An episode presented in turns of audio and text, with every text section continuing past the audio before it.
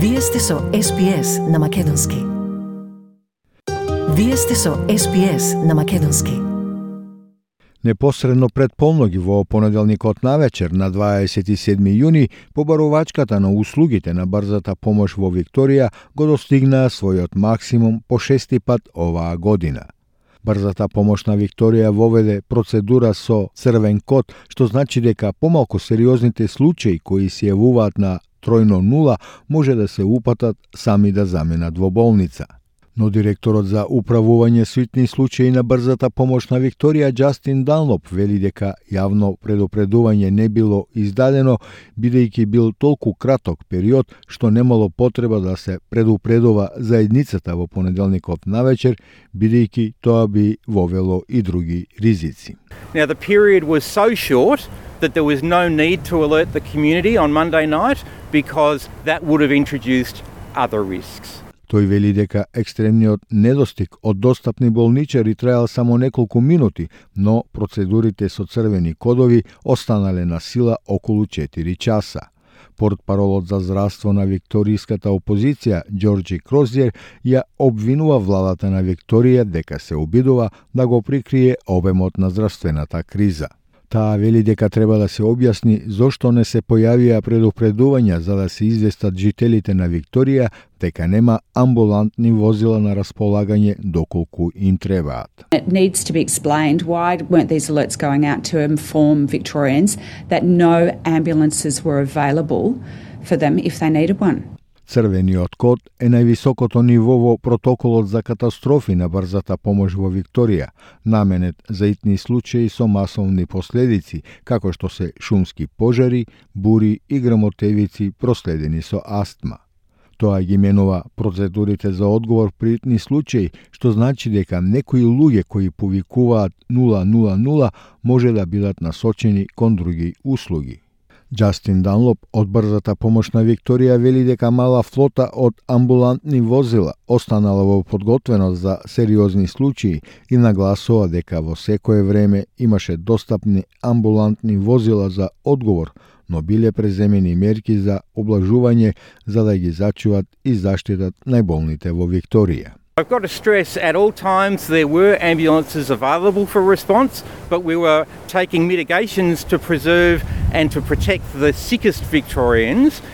Околу 150 вработени во брзата помош на Викторија беа болни, изолирани со Ковид или беа на отсуство, грижејки се за другите во понеделникот вечерта.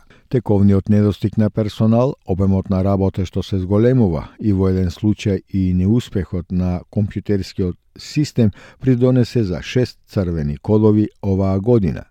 Генералниот секретар на синдикатот на Викториската брза помош, Дени Хил, вели дека никогаш не сме виделе толку низок морал на персоналот, а кога имате црвен код, изгледа дека тоа нема крај.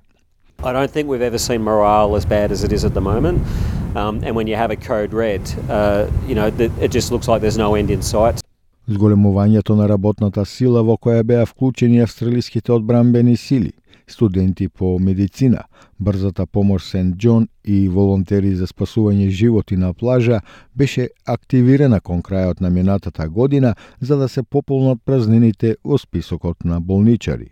Но синдикатот за брза помош вели дека работата со помалку обучен персонал создава поголем стрес кај болничарите – Државниот министер за подршка и закрепнување на индустријата Бен Керол вели дека се вложени пари за зголемување на бројот на болничари и сега е само прашање на време додека тие се подготват за работа.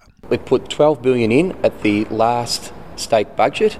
We've recruited 2,000 paramedics. Another 700 are in the pipeline. Тој вели дека државната влада гледа и во странство како дел од поширокиот план за зајакнување на работната сила во здравството. Додава дека се регрутираат работници во странство, не само болничари, туку и низа здравствени работници, што е во тек неко, веќе неколку месеци. We're recruiting uh, overseas, not just paramedics, but a range of healthcare professionals. That's been underway for some months now. Дени Хил од Синдикатот за брза помош вели дека последните три години нанесоа штета на здравствените работници низ целиот сектор и бидејќи недостигот на персонал ги погоди клиниките за општи лекари, болниците и домовите за стари лица, болничарите премногу често се последната линија на одбрана. Um, we are seeing delays with people getting access to GP appointments, um, so they probably get frustrated and dial triple zero. We're seeing, um, you know, strain on the aged care system, so again they rely on triple zero. So um, the spillover of all the strain across the health system does have a flow-on effect to ambulance and emergency departments.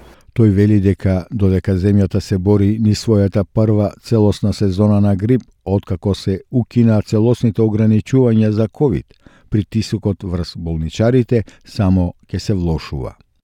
Вие сте со SPS на Македонски. Сакате ли да чуете повеќе прилози како овој? Слушате подкаст преку Apple Podcasts, Google Podcasts, Spotify или од каде и да ги добивате вашите подкасти.